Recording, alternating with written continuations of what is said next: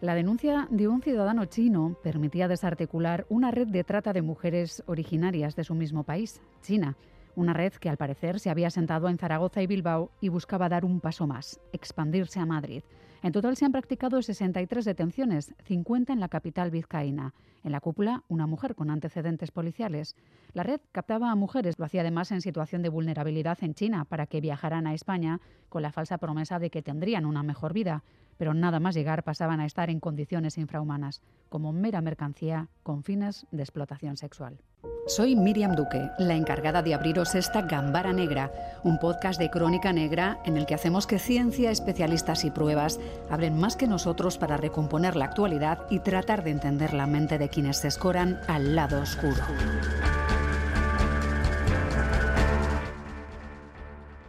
Es la esclavitud del siglo XXI y uno de los delitos que mueven mayor cantidad de dinero en el mundo. Según datos de la policía, en torno a la trata se mueven al día unos 32.000 millones de dólares, 2.280 en Europa. Detrás de esas cifras, historias como la de Alika. Represento a Alika. Tengo 28 años y soy nigeriana. Llegué a España en una patera. Íbamos 38 personas y una vez en España me dijeron que tenía que devolver una deuda de 55.000 euros por el viaje y que la tendría que devolver con mi cuerpo. Tenía 18 años. Me obligaron a prostituirme. Me pegaban, me rompieron los dientes, me cortaron la muñeca. En los cinco años en los que estuve ejerciendo la prostitución, la policía me detuvo cinco veces. Y me preguntaban que si tenía jefa, pero yo les decía que no, que estaba con una amiga. Me estaban vigilando todo el tiempo. Tenía miedo de hablar por el, por el yuyu, vudú. Una mujer policía me dijo que si no decía la verdad me deportarían a Nigeria. Yo le dije que no decía la verdad porque no quería morir y que habían amenazado a mi familia también. Finalmente decidí contar algunas cosas y la policía me llevó a un centro y allí me ayudaron. Solo una mínima parte de las mujeres víctimas de trata consigue escapar de estas redes y siempre después de un calvario como el que describe Alika, un hombre ficticio interpretado por otra voz para mantener su seguridad dentro de una campaña de denuncia de Amnistía Internacional. Alika es de Nigeria, que diríamos es uno de los países más habituales entre las víctimas de trata, pero no es el único. La última gran operación contra la trata que ha trascendido se ha desarrollado en Bilbao. 63 detenidos, 50 en la capital vizcaína. La red desarticulada se había sentado en Zaragoza y Bilbao y buscaba expandirse a Madrid. Traficaba con mujeres chinas. 来た。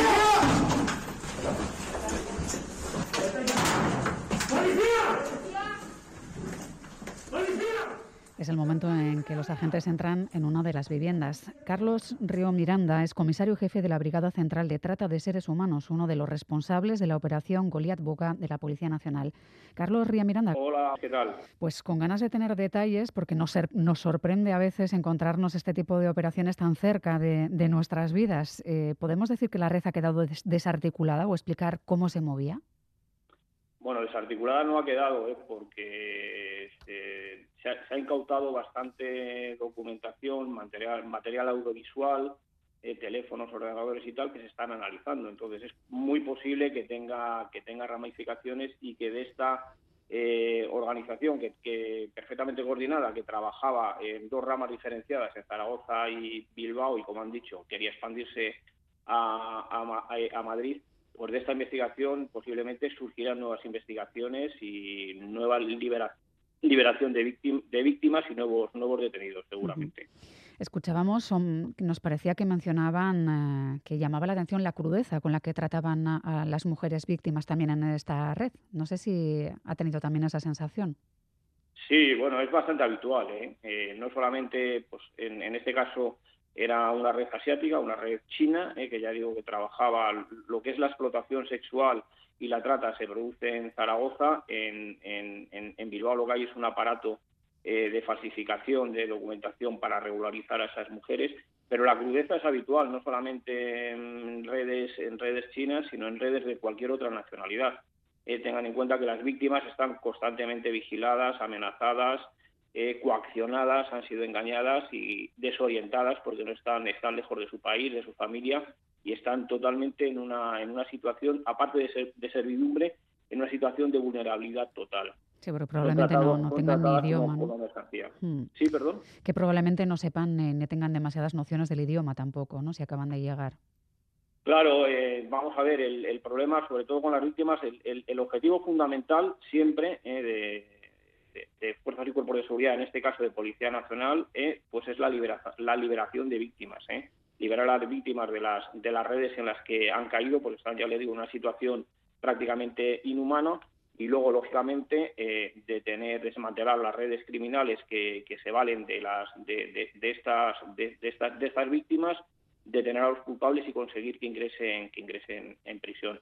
Las, las, las circunstancias realmente en las que se encuentran son crudas. Y las víctimas, pues como ha dicho, no solamente desconocen el idioma, pues eso es muy importante la labor de los intérpretes y de los traductores, una buena traducción, pero bueno, están en un país ajeno, desconfían incluso de, de la propia policía, eh, tienen miedo a ser detenidas y, ser deportadas, como decía la chica esta que hemos, mm. que hemos oído, pero realmente lo que desconocen es que las leyes en, en, Estado, en, España y en, y en la Unión Europea están hechos para proteger a esas, a esas víctimas, es decir, que la policía en ningún momento las va a tratar eh, de forma, o sea, les va a tratar mal, al contrario, va a tratar de, mm. ayudarlas, liberarlas e incluso eh, derivarlas a unas organizaciones especializadas que van a tratar de lograr su reinserción en la, en la, en la sociedad. En este caso estábamos hablando de mujeres de unos 40 años, eh, en líneas generales, de procedencia china. Nos sorprendían ambas cosas, porque tendemos a pensar que las redes mueven mujeres desde otros lugares del mundo y también que suelen ser más jóvenes. No sé si el perfil se parece a esto normalmente o también os ha sorprendido. Bueno, hay de todo, ¿eh? Hay de todo. O sea, en este caso, bueno, había mujeres de 40 años, pero había más jóvenes. Entonces, bueno, el perfil suele ser normalmente una mujer, pues, más bien, más bien joven, ¿eh? Y eh, ya le digo que en, situación de vulnerabilidad, es decir, eh, con, con, servidumbres propias de su propia vida, pues en cuanto a familia, situación económica, situación de estudios, deben ser, son personas con bajo nivel de estudio y tal, que eh, caen en, los captadores que están en los países de origen, les ofrecen un proyecto migratorio, mejor vida, trabajo, etcétera y tal, y cuando llegan, en este caso a España, pues se encuentran con la cruda realidad. Les retiran la documentación, les dicen que han contraído una, deuda que para ellas es inalcanzable porque esa deuda cada vez va, creciendo más y al final pues caen en la, en la en este caso en la, en la prostitución cruda, cruda y dura. ¿Esa captación suelen hacer las mujeres en el país de origen para ganarse su confianza en el primer momento? Porque entiendo que les dicen que, van a tener una nueva vida, posibilidad de empleo. ¿Suele ser así? Bueno, hay, eh, hay muchas mujeres que hacen de captadoras, pero también pueden ser hombres o incluso eh, conocidos o incluso familiares eh, de, las, de las propias víctimas, que son las que las captan y al final llegan a Europa y caen en estas, en estas redes.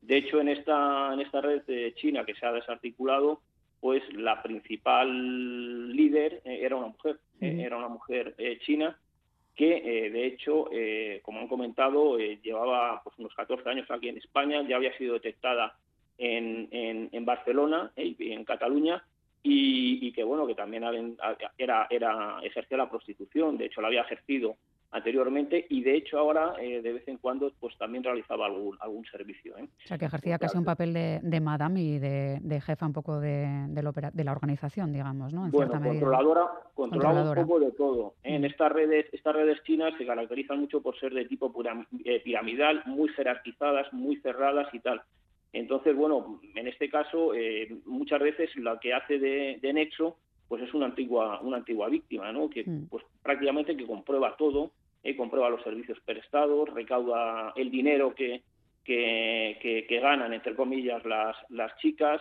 eh, informa a la organización del, comportamiento de las chicas, es decir, si quieren su reticencia es hacer la prostitución, etcétera y tal, en este caso, aunque también es muy frecuente, pues muchas veces las chicas eran obligadas a consumir drogas, eh, pues para vencer su reticencia al, ejercicio de la prostitución y también las obligaban a ofrecer drogas a los a los clientes, eh, a los clientes que, que, llegaban y tal, pues les ofrecían también eh, consumo de drogas. Sí, apenas se convierte todo en una espiral, ¿no? De, consumos de, de, todo tipo.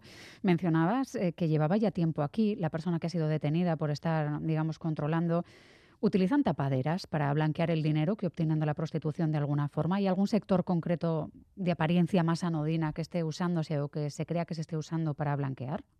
Sí, de hecho, bueno, es frecuente ¿eh? el tema de, blanqueo. Nosotros aquí en la Brigada Central tenemos un grupo en concreto de, blanqueo y de investigaciones patrimoniales. En este caso, en Bilbao, pues sí existía una red de empresas eh, aparentemente legales que se utilizaba para blanquear las ganancias tanto de las falsificaciones de los documentos que vendían como del ejercicio de la, prostitución. ¿Todas del mismo sector, más o menos? ¿Perdón? Eh, ¿Del mismo sector? Bueno, eh, había algo del sector de la construcción, pero sobre todo bazares, eh, peluquerías, etcétera y tal, que son más o menos lo que representan los ciudadanos chinos. Quiero dejar claro que, no es, que no estamos criminalizando en absoluto a la comunidad china. La inmensa mayoría eh, vienen a España y se ganan la vida, la vida honestamente. Lo único, bueno, que las fuerzas de de seguridad, en este caso de Policía Nacional, pues investiga este tipo de, delito que lo puede cometer cualquier persona, incluso españoles, ¿eh? eh porque mm. la trata, las víctimas también pueden ser ciudadanos y ciudadanas eh, españoles. y lo que decía del tema del blanqueo es fundamental, y el tema de las investigaciones patrimoniales, si tú cortas la, la financiación de una organización criminal, prácticamente acabas con ella. Es decir, es mejor atacar lo que es la estructura financiera eh, que, que, incluso detener a los propios responsables, porque las personas son más fáciles de reponer. Sin embargo, si les cortas el suministro económico, les haces bastante, bastante daño. Prácticamente las dejas fuera de juego. Las eh, víctimas que, que, estaban bueno, pues, eh, siendo sometidas en este último operativo, ¿se sabe cuánto tiempo llevaban ya aquí? ¿Cuánto, ¿Cuánto tiempo llevaban siendo explotadas? ¿O llevaban, habían llegado hacía poco? Bueno, hay un poco de todo también, ¿eh? y en los pisos, sobre todo en, Zaragoza, donde se producía la explotación, a las chicas las estaban cambiando constantemente de, dinero. Todas, eh, eh, o la inmensa mayoría, llevaban pues al menos más de 90 días en España, porque habían entrado como turistas y la rama zaragozana había eh, contactado con la rama bilbaína, pues eso, para tratar de conseguir permisos y permisos de trabajo, falsos para tratar de regularizar, entre comillas, la situación de estas, de estas ciudadanas. Habían entrado como turistas, se les había acabado el, visado turista que autoriza estar en, España por, por 90 días y a partir de ahí estaban, estaban totalmente ilegales. Pero bueno, algunas, algunas sí que llevaban más tiempo que otras, pero bueno, alrededor de un año, una cosa así, porque no hablaban, eh, no hablaban el idioma muy bien ninguna de ellas. ¿eh?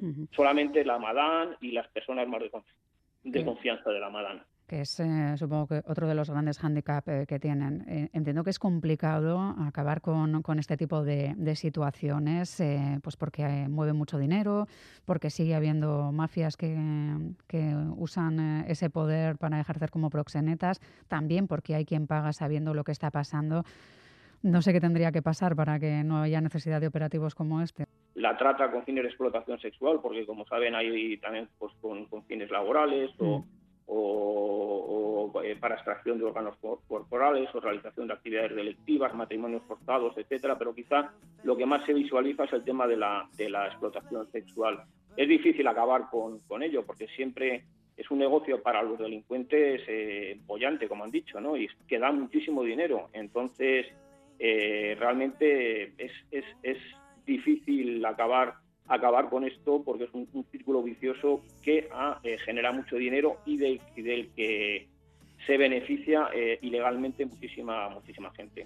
Pues un poco de conciencia como ciudadanos y ciudadanas para tratar de, en la medida de lo posible, atajarlo desde todos los ámbitos que podamos también. Carlos Río Miranda es comisario jefe de la Brigada Central de Trata de Seres Humanos, uno de los responsables de la operación Goliat Boga de la Policía Nacional y agradecemos que haya tenido un rato. Gracias, Carlos. Hasta la próxima.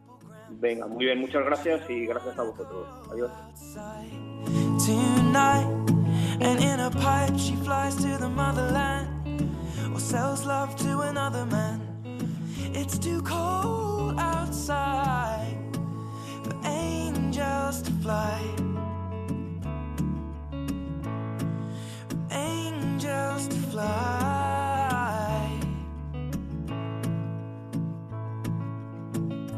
Es otra de las víctimas de trata. De nuevo, es un nombre ficticio. Ella explica lo complicado que es salir y la sensación de las mujeres cuando van a comisaría. Conozco bien a las mujeres víctimas de trata porque yo también soy víctima de trata. Me trajeron con varias chicas más. Nos llevaban de club en club. Te pasas el día drogada y borracha porque es Es la única manera de soportarlo. Una vez dije que, que lo quería dejar, me pegaron y me amenazaron con que harían daño a mi familia. Cuando había redadas, escondían a las chicas nuevas porque no es rentable perder a una recién llegada. Y una vez sí que estuve 18 horas en un calabozo, me detuvieron y cuando salí tuve que volver al club. Gracias a una organización que ayuda a las víctimas de trata pude salir de allí. Como no quise denunciar, tardé cuatro Nos acompaña también Amaya Senante de Ascavide, una asociación sin ánimo de lucro que ayuda a mujeres que ejercen la prostitución. Amaya, ¿qué tal? ¿Cómo estás? Hola, Miriam. ¿Entre las mujeres a las que atendéis también hay víctimas de trata? Eh, sí, nosotras en Ascavide trabajamos con mujeres del contexto de la prostitución y con víctimas de trata también. Tenemos un programa de atención integral eh, a víctimas de trata con fines de explotación sexual y eh, dentro de los programas que tenemos en la entidad, uno de ellos también eh, trabaja en la línea de la detección de víctimas de trata en, calle, en club y en piso. Hemos escuchado el testimonio de María, que aunque sea un nombre ficticio, el relato y el sufrimiento es real. Supongo que hay que cambiar muchas cosas, también la forma de ayudar a, las víctimas, porque bueno, pues hemos escuchado un sufrimiento muy intenso, a diferentes niveles además, ¿verdad? Hombre, claro, todas las mujeres que son víctimas de trata han sido expuestas a, situaciones y a vivencias muy duras, muy complicadas y todo el trabajo de intervención con ellas, pues eh, evidentemente requiere de tiempo, requiere de cuidado, requiere de recursos también específicos para ellas, eh, donde bueno pues se garantice un poco sus derechos y, y su bienestar, ¿no? Tanto en el proceso como después, una vez finaliza todo el proceso eh, de reconocimiento como víctima y pues bueno darles facilidades para que puedan empezar una nueva vida. Claro, porque ¿qué, ¿qué es lo que necesitan o qué os piden cuando llegan a la asociación? Porque entiendo que no solo necesitan un futuro o la posibilidad de, empezar de nuevo, puede que incluso necesiten desintoxicación, ¿no? Por los motivos que mencionábamos. Bueno, eh, las demandas de las mujeres víctimas de trata, cuando una vez llegan llegan a Javide son muy plurales, ¿no? Hay víctimas que, bueno, pues que de alguna manera pueden demandar un servicio de alojamiento o apoyo en trámites administrativos, sanitarios, eh, asistencia psicológica, jurídica.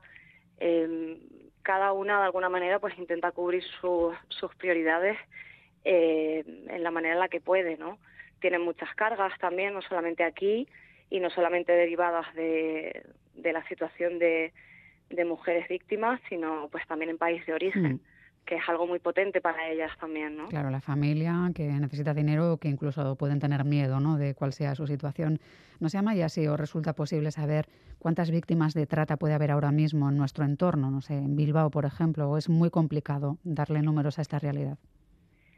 Es muy complicado, Miriam, em, por varias razones, ¿no? Pero sobre todo también en los últimos años estamos viendo un una situación que se da de, un contacto muy difícil en el mundo de la prostitución a causa de la deslocalización del ejercicio que estamos viendo pues que ya no se ejerce tanto en las vías habituales ¿no? de, ejercicio en calle, en club y en piso, sino que está pasando a una realidad digital, digamos, ¿no? también potenciada por toda la situación de la pandemia. Entonces, dentro de esa, de esa nueva realidad, eh, es muy difícil eh, poder contabilizar y poder contactar con todas las mujeres que ejercen la prostitución eh, o que eh, en este caso puedan ser víctimas de trata. Entonces se hace un poco complicado eh, trabajar con unas estadísticas que puedan ser del todo reales. ¿no? Mm. Y desde la sensación, Amaya, ¿hay sensación de que la situación está empeorando? Desde que llega la pandemia, pues no sabemos si son realidades que son representativas, que han llegado para quedarse o que son fruto puntual, digamos, de esta realidad de pandemia, pero evidentemente lo que sí se nota que, empeora es la situación de, las mujeres, la precariedad, eh, la vulnerabilidad, y sí que creemos que ante eso hay que dar más recursos, hay que seguir trabajando en la ley integral para víctimas de, trata, eh, destinar una partida presupuestaria específica para esta realidad y, y, que bueno que de alguna manera lo que te decía antes, ¿no? Se puedan garantizar los derechos y el bienestar de las mujeres. Pues esperemos que avancemos en, en, esa ley integral para las víctimas de trata y os agradecemos el trabajo que hacéis desde Ascavide, Amaya Senante. Muchísimas gracias. Gracias a ti, Miriam.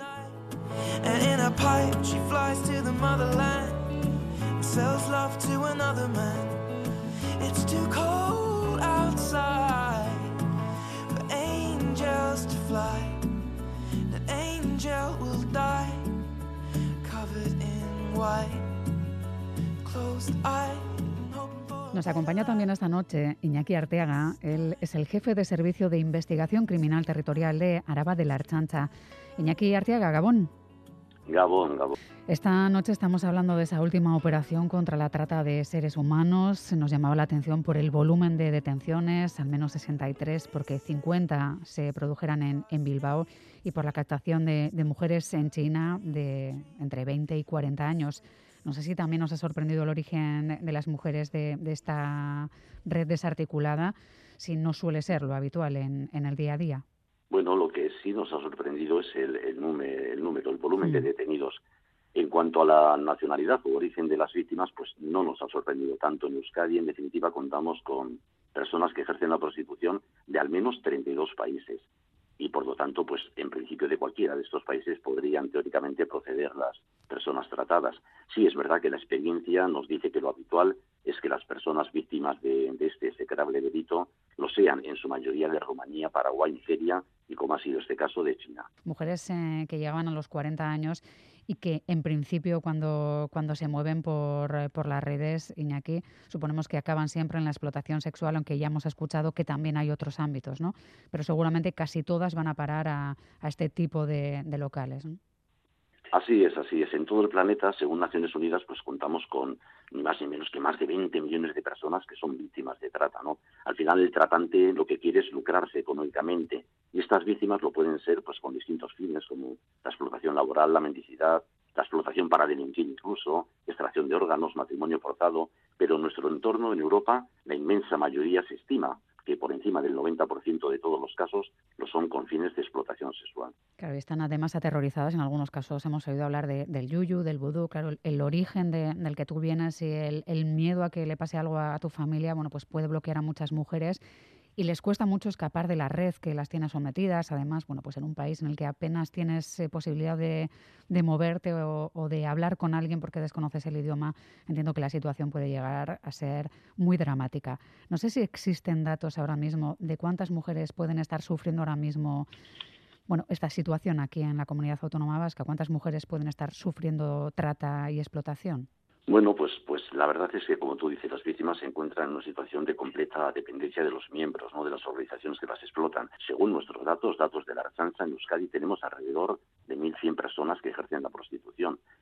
Según datos, en este caso ya de Naciones Unidas, con los que tengo que dejar claro que ni todos ni todas estamos de acuerdo, tanto las ONGs, las instituciones como nosotros mismos, la Archancha, pues uno de cada siete, dice Naciones Unidas, una de cada siete personas que ejercen la prostitución son víctimas de trata, por lo que así ya sí que se puede hacer una estimación de que en Euskadi podríamos contar con 150 personas que ejercen eh, la prostitución siendo víctimas de trata, pero, insisto, las víctimas son personas y ahora estamos hablando de, de estadística y podríamos hablar del famoso pollo que nos comemos entre tú y yo, pero que me lo como yo solo, ¿no?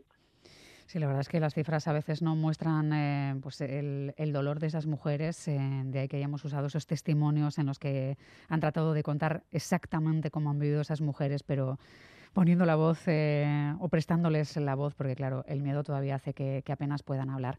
Sé que la Archancha tiene un plan contra la trata. ¿Cómo se persigue en líneas generales este delito? Porque a veces cuesta saber cómo debiera ser abordado. La Archancha pues, puso en marcha en el 2016 un plan para combatir esta auténtica barbarie, esta lacra. Y tenemos tres objetivos. La prevención y la persecución del delito son dos de ellos que nos ocupan y nos preocupan mucho, pero realmente el objetivo que más nos interesa, que más nos preocupa y nos ocupa y que nos obsesiona es la protección de la víctima, que es el elemento nuclear de nuestro plan. Y el procedimiento consiste en acudir a todos exactamente a todos los lugares donde se ejerce la prostitución y detectar a estas personas, a estas víctimas, porque ellas, como ya estamos viendo, no van a acudir a nuestras dependencias, porque son un colectivo invisible, vulnerable, que no es consciente de su situación, amenazado y que desconfía de la policía. Por eso, hoy en día contamos en todas las RSNSEAs con personal especializado en la materia. Son los equipos TSH que acuden a estos lugares con el único objetivo de detectar a las víctimas. Cuando mencionamos persecución del delito, ¿eso incluye a quien paga un servicio de este tipo en, un piso, en un prostíbulo? ¿Se persigue al putero? Bueno, aquí tenemos un gran dilema, un gran problema. Nosotros como organización, como Erchancha, tenemos que ser lógicamente normativistas Y aquí tenemos la trata por un lado y la prostitución por otro. La trata es un delito en todos los casos.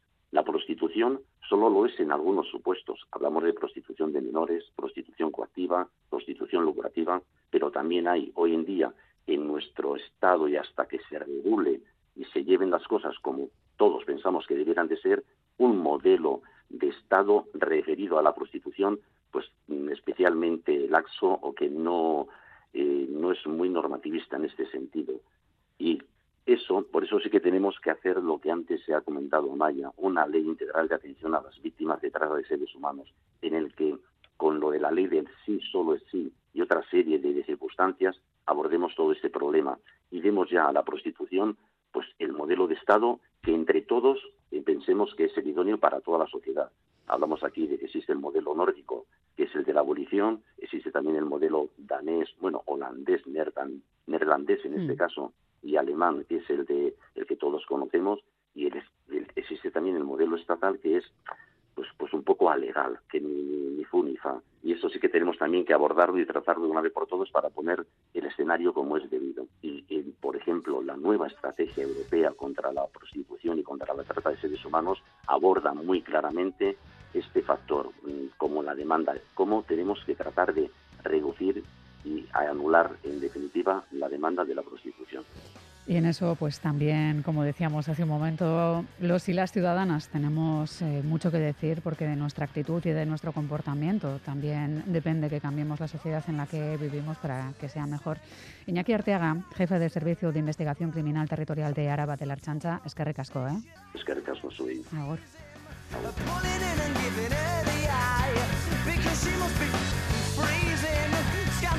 company to clear.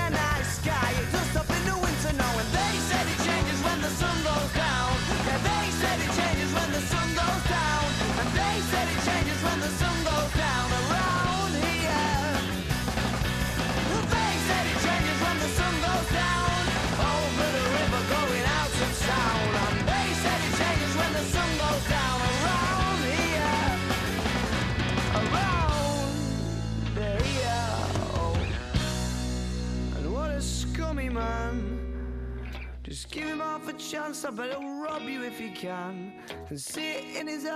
that he's got a all. Sara tenía 38 años. Fue encontrada apuñalada en su casa en Tudela. Apenas comenzaba 2022. Es la primera víctima de violencia de género del año. Su marido José María fue detenido por la Gendarmería francesa unas horas después del hallazgo del cadáver como presunto autor de este asesinato. La señal del GPS emitida por su furgoneta permitió localizarle a 475 kilómetros de la escena del crimen.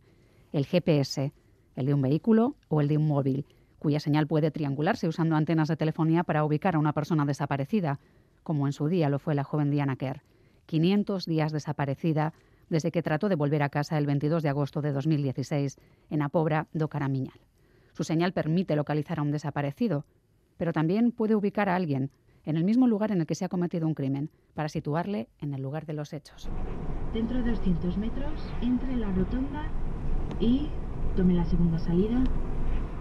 Recalculando. Hoy explicamos cómo la ubicación y el itinerario pueden llegar a ser vitales en la resolución de crímenes y delitos, usando la ubicación de la tecnología que llevamos encima cada día. Lo vamos a hacer con el ex, jefe de la Policía Científica de la Archancha, Iñaki Rusta. Iñaki, ¿qué tal? Hola, ¿qué tal? Mundo. Y también con el experto ya en crimen y en novela negra, Carlos Basas. ¿Todo bien, Carlos? ¿qué tal? Bueno, antes de reflexionar, volvamos al origen, al asesinato de Sara Pina, que ha reconstruido Maya Lengal-Parsoro.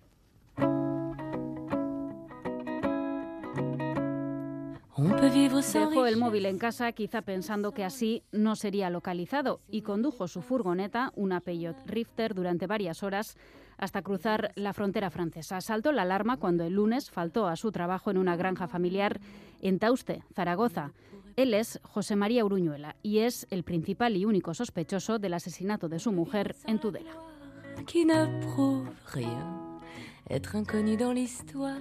Sin móvil y en un entorno donde no le conocía a nadie, a 475 kilómetros de casa, lo traicionó el geolocalizador de su furgoneta. El vehículo que le permitió huir fue precisamente el que lo delató. La gendarmería francesa lo detuvo a cinco horas de Tudela, junto a la autovía que va de Burdeos a París.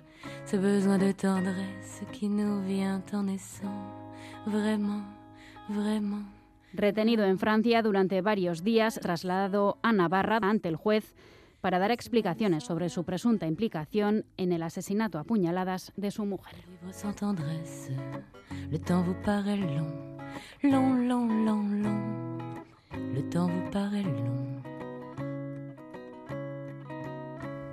que supongo que el GPS de un vehículo no es algo que podamos manipular fácilmente, ¿o sí?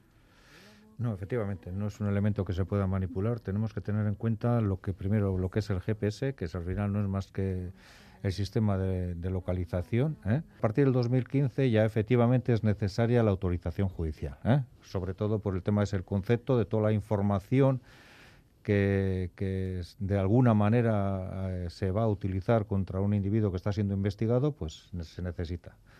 Es difícil de manipular, exactamente, es difícil de manipular. Eh, más aún si es algo alquilado, entiendo, ¿no? Que ahí sí que será mucho más complejo acceder. Si no es un vehículo tuyo, tendrías que saber mucho de mecánica, ¿no? O de electrónica para, para entrar sí, ahí. Me viene así a la cabeza el caso de, de, Bretón, por ejemplo, que intentó jugar con la, con la policía apagando y encendiendo varias veces el móvil y desconocía que, aparte de estar apagado, que se puede saber la ubicación. ¿eh?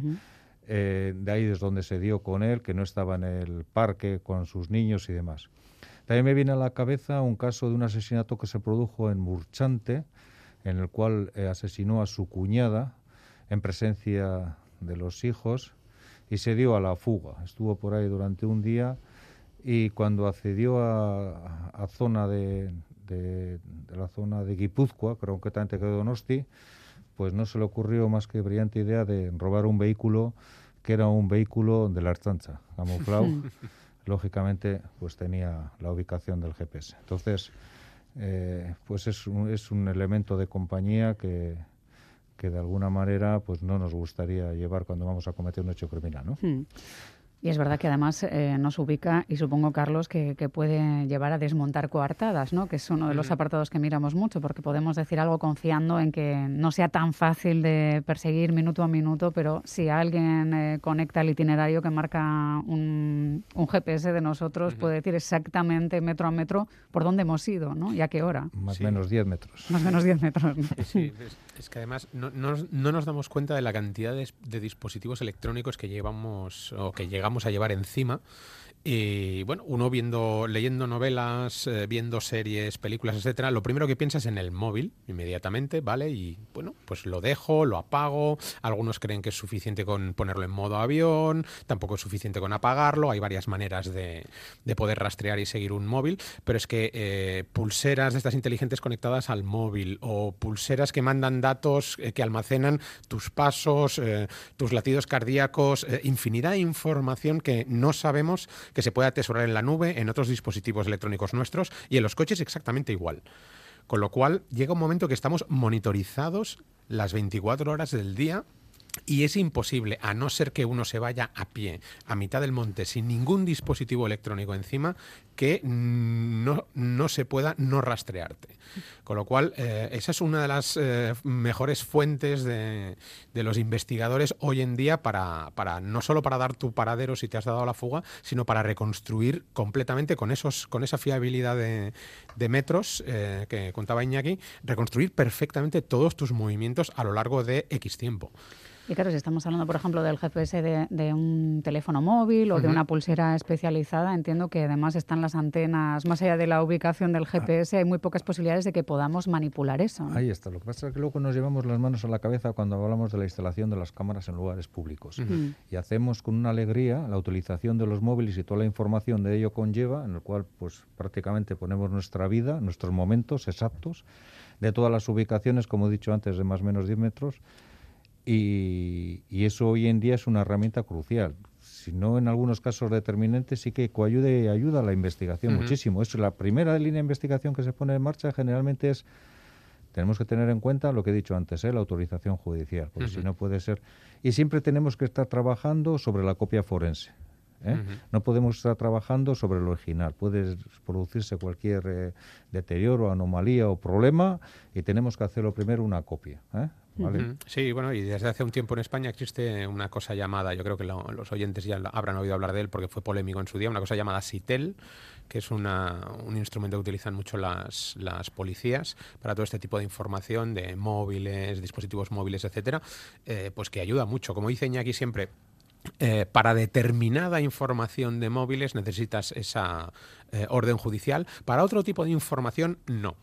Eh, con lo cual, eh, a veces te sirve únicamente el volcado de datos que tú le puedes pedir a una telefonía y que ellos te dan. Eh, otra cosa es cuando tú quieres acceder al software y al interior de, de, ese móvil. Entonces sí ya debes pedir una orden, una orden judicial. Y hay empresas que no la conceden. ¿no? Fue, fue muy famoso y muy sonado el caso de Apple en Estados Unidos, que se negó a, a, mm, abrir a los investigadores eh, su software y su protección de teléfono eh, porque decía que prefería mm, salvaguardar la intimidad de sus usuarios que permitir que, la policía detuviera un asesino en serie. ¿no? Es, es, una polémica que lleva muchos años eh, activa en, en, el mundo y yo creo que no se resolverá fácilmente nunca. Hoy estamos analizando el uso o la ayuda que puede suponer en una investigación criminal, por ejemplo, Iñaki, la, ubicación, eh, tanto para tratar de localizar a una persona de lo que hablaremos, como para situar en el lugar o el itinerario del presunto asesino, de la persona que se está investigando. Entiendo que eso es fundamental cuando se llega a juicio. Es fundamental. En, en algunos casos, cuando tenemos la información, es más, incluso eh, cabe la posibilidad, eh, la posibilidad de dejar al individuo, cuando ya le tenemos ubicado, que siga trabajando con el mismo, porque eso nos va a dar mucha más información. ¿Por qué nos va a dar mucha más información? Pues el hecho que estamos investigando sea un hecho criminal o para determinar si se trata de un grupo o banda criminal organizada. Es, es, es, es un elemento, digamos, hoy en día, eh, si en su día fue las huellas, posteriormente fue la genética, eh, hoy las nuevas tecnologías, como las denominamos nosotros, sea el teléfono, sea el GPS, sea la información que extraemos de los ordenadores, está siendo crucial. ¿eh? El móvil, que en el caso del GPS revela más de lo que pueda parecer, de hecho fue fundamental en la localización de Diana Kerr, la joven desaparecida cuando volvía sola a casa el 22 de agosto de 2016 en Apobrado Caramiñal. 500 días hicieron falta para localizar su cadáver oculto en un pozo. La Guardia Civil reconstruyó las últimas horas de la chica a partir del rastro que dejaba el teléfono que ella iba manipulando. Recordamos que su último mensaje fue para lanzar un aviso sobre un hombre que la estaba acosando. Lo localizaban las antenas de telefonía que también estaban en esa pista que llevó hasta José Enrique Awin Gay, alias el chicle como presunto autor de su muerte, tal y como ha reconstruido esta serie documental de la televisión galega. En unos primeros momentos parecía que Diana se, se desvaneciera. Este tipo de casos eh, yo creo que son los más difíciles de investigar. Ocurre algo, no hay testigos, no hay móvil, no hay víctima. En algún momento nos hemos llegado a plantear a ver si de verdad había delito.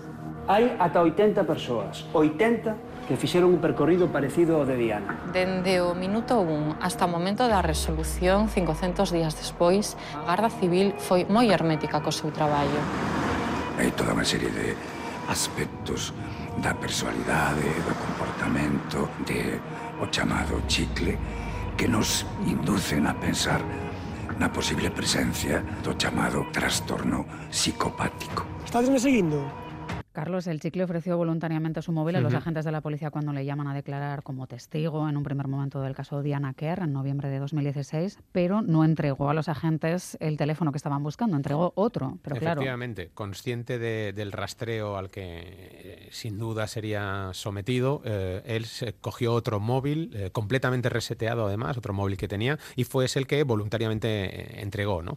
la Guardia Civil, la UCO, no tardó en darse cuenta de que efectivamente ese no era el terminal que ellos buscaban y el que él llevaba, llevaba esa noche. ¿no? Pero el trabajo con eh, el tema de la localización eh, móvil en el caso de Diana Kerr eh, fue absolutamente impresionante. Hay, hay como tres partes. Por un lado, fue una vez se encontró el teléfono de ella, tratar de recuperar los datos de ese terminal que había estado en el agua en unas condiciones malísimas y que fue llevado a una empresa especializada de Estados Unidos. Por otro lado, estaba el seguimiento al móvil de, ella. Es decir, eh, aunque no tenían el aparato, sí eh, pudieron hacer el seguimiento de los pasos de ella, por dónde fue. ¿no? Y por otro lado estaba el seguimiento al móvil del chicle. Pero todo ello en una eh, zona en fiestas donde el tráfico de información superaba los 2 millones de datos. para poder realizar una reconstrucción fidedigna de ¿Cuáles fueron las condiciones eh, de uso de los móviles eh, respecto a los repetidores de la zona esa noche? La Guardia Civil tuvo que esperar prácticamente un año para encontrarse eh, con esas mismas condiciones. Es decir, cuando tú estás en una zona no muy poblada, tu señal busca el repetidor más cercano.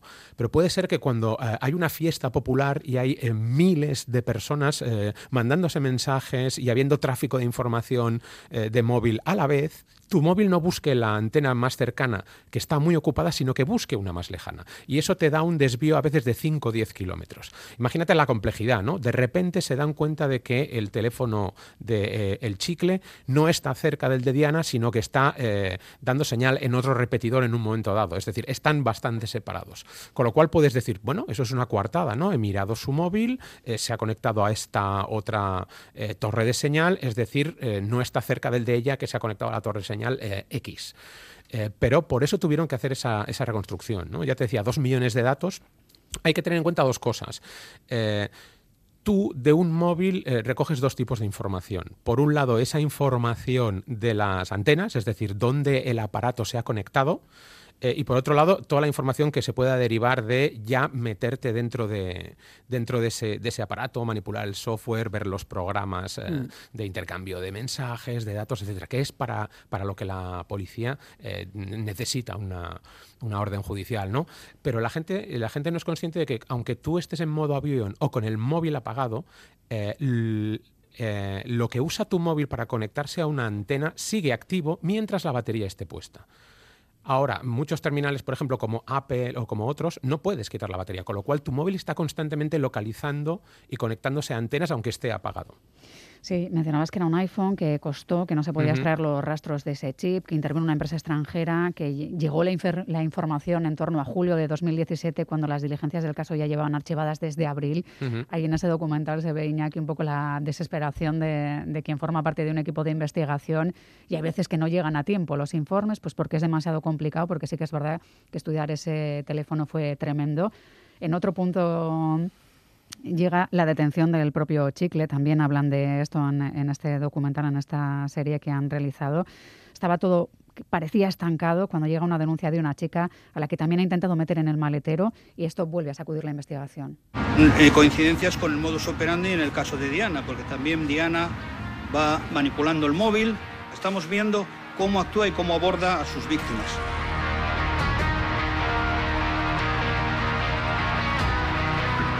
Se va viendo una coincidencia del modus operandi, después eh, ya investigando en su historia, Carlos, vemos como, bueno, pues es una historia que cuesta creer cómo ha sido su vida, la de las personas de su entorno, incluso su mujer o la hermana de, su mujer, y también en el documental O Crimen do Chicle hablan de todo esto, ¿no? En, términos muy complejos. Sí, pero el, hecho de que él volviera a actuar eh, empieza a establecer un patrón reincidente, es decir, eh, eso ya indica rasgos de psicopatía, ¿no? Y eso, vale, efectivamente está influenciado eh, puede estar influenciado tu carácter, tu comportamiento por eh, todas tus vivencias eh, eh, a lo largo de tu vida, pero esos rasgos de, psicopatía que, él muestra y que si no llega a ser detenido hubiera seguido eh, eh, utilizando, cazando chicas con casi total seguridad, tienen que ver con otra cosa. él ya tiene ese rasgo de, psicopatía y no, no puede detenerse. Es muy complejo que una persona con, ese, con ese tipo de rasgo pues se detenga por sí solo. Y generalmente es la policía quien, quien les eh, suele dar caza y los saca de, de, las calles. ¿no? Así eh, explicaba el propio José Enrique Abuin eh, en sede judicial cuáles eran sus preferencias. Justaban ya todas, pero más justaban ya morenas de pelo largo. ¿De pelo largo? Sí. ¿De pelo especialmente largo? Sí. e a cabeza...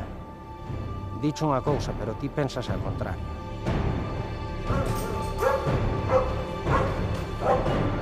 Él estuvo ali unha hora e 21 minutos con ela. A partir de aí penso que sobra calquera palabra.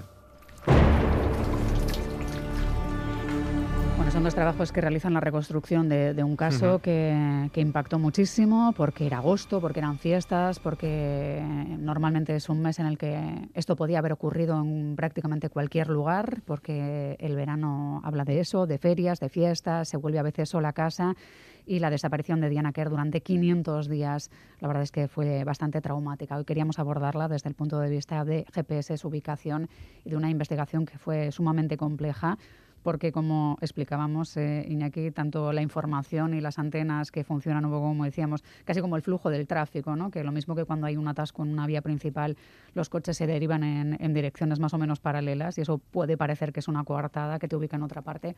Poco a poco esa ingente cantidad de información pues acabó sirviendo para, para dar con, con, la persona, con el asesino. Supongo que no imaginamos la cantidad de bits, informaciones y análisis que, que rodean un caso como este, por ejemplo, no solo de información de antenas de telefonía y, cuestiones similares. Tenemos que tener en cuenta que un, hecho de esta, de, esta, de esta gravedad o de importancia trabaja en varios frentes. Habrá un equipo que está trabajando constantemente el tema de, telefonía, es el tema de los impactos, las antenas, como estaba comentando, el registro de llamadas, todos los temas técnicos audiovisuales, teléfonos, GPS. Hay otro departamento que estará trabajando todo el ámbito de lo que es la inspección ocular, otros estarán trabajando la parte del ADN y al final todo se confluye ¿eh? en una única línea de investigación que será la buena, se va eh, acotando, digamos, todos los procesos de trabajo y al final nos darán eh, en la buena línea de investigación. Mm, tenemos que tener en cuenta que dar y localizar ese cadáver en ese pozo, si no llega a ser por el trabajo ingente de, de todos los equipos, hubiese sido difícil, ¿no? Y más y menos en la situación que se encontraba ese cadáver en un pozo, estaba en un estado saponizado por la, eh, digamos, eh, temperatura al final que se mantenía eh, estándar. dar, dar con un cadáver en, esos escenarios es, es, es, complicado. Para eso están trabajando todos los frentes, todos los grupos y al final pues lo bueno de todo esto que generalmente nada suele quedar impune. ¿eh? Pues así se logró localizar a, el chicle en uno de esos casos que bueno pues han quedado en la memoria y esperemos que las tecnologías sirvan también para aclarar eh, qué ocurrió en torno a, a Sara Pina para que también se haga justicia con ella. Carlos Vasos, Iñaki Irusta, como siempre, muchísimas gracias. A vosotros. A vosotros, un placer.